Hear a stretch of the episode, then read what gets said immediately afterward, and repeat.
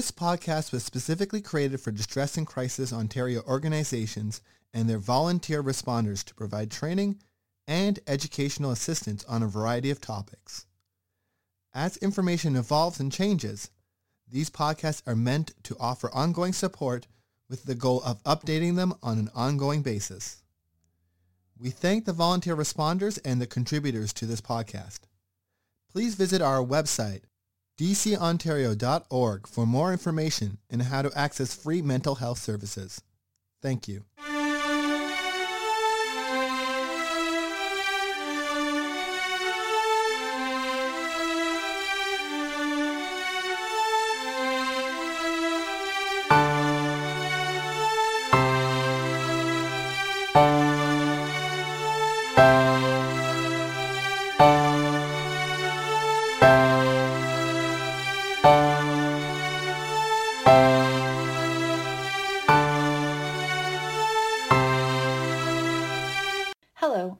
To the podcast. My name is Caitlin Plant, and I am the Program Manager for Distress and Crisis Ontario, or DCO for short. This week, we are going to be sharing some information about the current state of mental health supports, as well as giving a reminder of what DCO has to offer when it comes to providing said support. On Thursday, October 21st, 2021, the Waterloo Region Record shared an article titled More Funding Needed to Meet Growing Demand for Mental Health Care in which they interviewed Helen Fishburn, who is the Executive Director of the Canadian Mental Health Association, CMHA, Waterloo Wellington. In the article, Ms. Fishburn states that calls for help have increased by 40% during the pandemic and that, quote, every single one of us has been impacted by this pandemic to a certain degree, end quote. According to the article, many Ontarians believe that the province is bound to face a mental health crisis as we come out of this pandemic, and funding is simply not in place to meet the growing needs.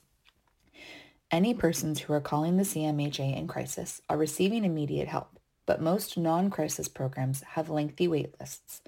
The worst hit programs have wait times of up to four or five years. As Ms. Fishburn says, quote, it isn't okay and we really need to do better for people who are waiting, end quote. If you would like to know more about what Ms. Fishburn had to share with the record, I would recommend visiting their website at therecord.com and searching mental health care to find the article more easily. So, what services does DCO offer that can help? Aside from the distress and or crisis services offered by all of our member centers, many of our centers also offer call-out services, referrals, and other programs geared towards mental health support for a wide variety of topics. You can find a full list of our centers and their services on our website at dcontario.org forward slash services. Our website also hosts an extensive, but not exhaustive, list of resources offered by non-DCO organizations, including resources related to addictions and substance abuse, mood disorders, supports for marginalized communities, support for grief, housing supports, resources geared towards LGBTQ plus communities, and more. You can find this list of resources at dcontario.org forward slash resources forward slash useful information, with useful information being all one word. Finally, DCO is also a partner in operating the Ontario Online and Text Crisis Service, or ONTX. For more information on what ONTX is, how to access it, and who can use it, continue listening as we reshare an interview done with Cindy, our ONTX coordinator, that was recorded in July. So Cindy, thank you for joining me. You're welcome. Thank you, Caitlin. Could you please start by explaining what the ONTX program is? Certainly. So the ONTX program is Ontario Online and Text Crisis Service, and it is through text and chat. It's a collaboration of member centers of DCO, and we provide emotional support, crisis intervention, suicide prevention, and resources as well to anyone who contacts us. And you can reach out two ways. You can either text in by texting 258-258 from your cell phone, or if you would like to reach us through the computer, you can chat online, and we have a few different websites that you can reach us through. Our main one is DCO's website, and that is ontario.org and you will see on the right side a button that says chat now. And when you do first reach out to us, there is a few questions that you will need to answer before you are connected with a responder. And it's just simple questions such as your age. You don't need to give your true age if you feel uncomfortable. How are you feeling that day and what your concerns are and how you heard about us. And then you will be put into a queue waiting for a responder to um, assume your conversation. Thank you so much for that explanation. Um, I guess my next question is who is able to access it? Anyone in Ontario can access us. If you have a cell phone or a computer, anyone can reach out of any age. This service, is it free or do people need to pay for it? Do they need to have OHIP? Like, are there any requirements like that? No, it is a completely free service. The only charges that may apply if you have a, a texting service where you are charged for text messages, um, it would be your service provider that would charge you if you are charged by the text. If you have unlimited texting, there's no fee. Going through the computer, there's no fee. It's a completely free service. Awesome. So how long are the wait times usually? Our wait times are quite short. I would say maximum before you're connected with a responder would be three to four minutes. Oh, Usually awesome. the conversation is assumed right away as soon as you're in the queue. Of course, there may be times where we are a little bit busier and you might have to wait a, a few minutes. I would mm-hmm. say maximum would be three to four minutes. Yeah, that's awesome. That's such a quick turnaround. Yes. So what sort of training do ONTX volunteers get before they're ready to answer people's chats and texts? ONTX responders initially go through an extensive core training for crisis workers. In most cases, they will work on helplines for quite a few months. Mm-hmm. So they are taught specific things such as active listening, compassionate listening, empathy, validation, assisting in problem solving, They'll learn how to provide resources, suicide prevention, crisis intervention. And then there is a specific ONTX training program. So in that program, they will learn additional things such as how to provide empathy through text. Because when we're on the phone, we have those auditory cues. You can hear the person's voice. It's a little bit different when you're texting, as we all know, because we have all have texted as well. So the responder is taught how to pick up certain cues, um, how to display empathy through text, and mm-hmm. just a little bit about the system, how to use the actual system itself. Mm-hmm. Yeah, that's very interesting. I wouldn't have thought of trying to explain empathy in a text format. So that's, yeah, very interesting that that's included in the training.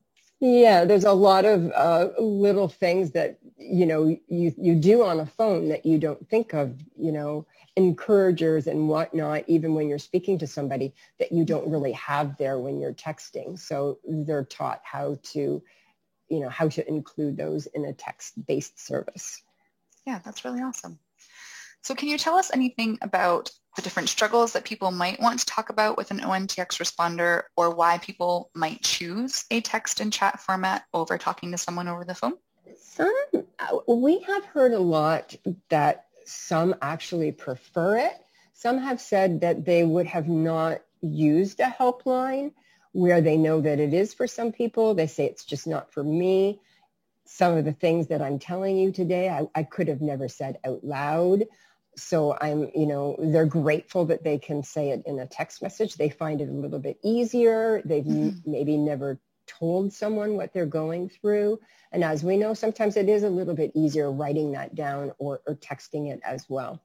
Another advantage in using the text or chat service is especially during these times during isolation, you have your privacy. So a number of people may be stuck at home with their family and they want to reach out to someone, but their family is there, so they can't really get on the phone, uh, you know, and, and talk about whatever they want to talk about. If you're doing it through a, texting or through chatting online, you have that privacy.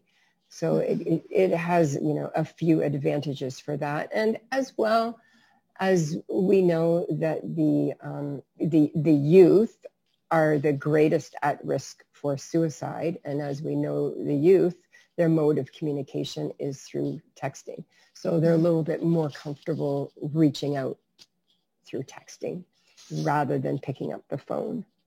Yeah. So I actually don't know if I answered your question. I think I went off on a little bit of a tangent there. No, but that was great. Yeah. Yeah. Anyone can reach out to us. And, you know, we have people that would reach out to us. They're having a, a bad day. Isolation and loneliness has been uh, one of the great issues over the past year because of the pandemic. Mm-hmm. Um, youth not knowing what they're going to do with their schooling because, you know, they're working or they're, they're having school remote. Any various issue, we have people reaching out to us. So I guess my final question for you today is whether or not there's anything else that you would like people to know about ONTX that we haven't already covered. I think I would just like to let people know that there, I, I don't want anyone to think, oh, what I want to talk about is just too small or, you know, I don't want them to hesitate to contact us thinking, oh, it's not that big of a deal. You can reach out to us to for anything. If you've had a rough day, if you're feeling lonely, if you just need someone to talk to, you don't have to have a huge crisis. You don't have to be suicidal. Anyone can reach out to us. If you need to talk. If you need support, we're there for you. Please don't hesitate to reach out.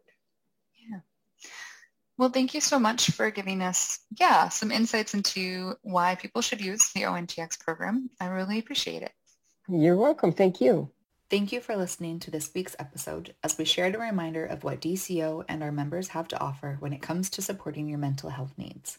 I wish you all the best this coming week and hope you join us again next week as I interview Lauren about slow, sustainable living and how to use a holistic approach when it comes to health and wellness. Thank you. Hey, it's Damien here, here to announce that we're moving back to fireside.fm in the next month or so please update your podcatcher to feeds.fireside.fm slash DC Ontario slash RSS. Thank you.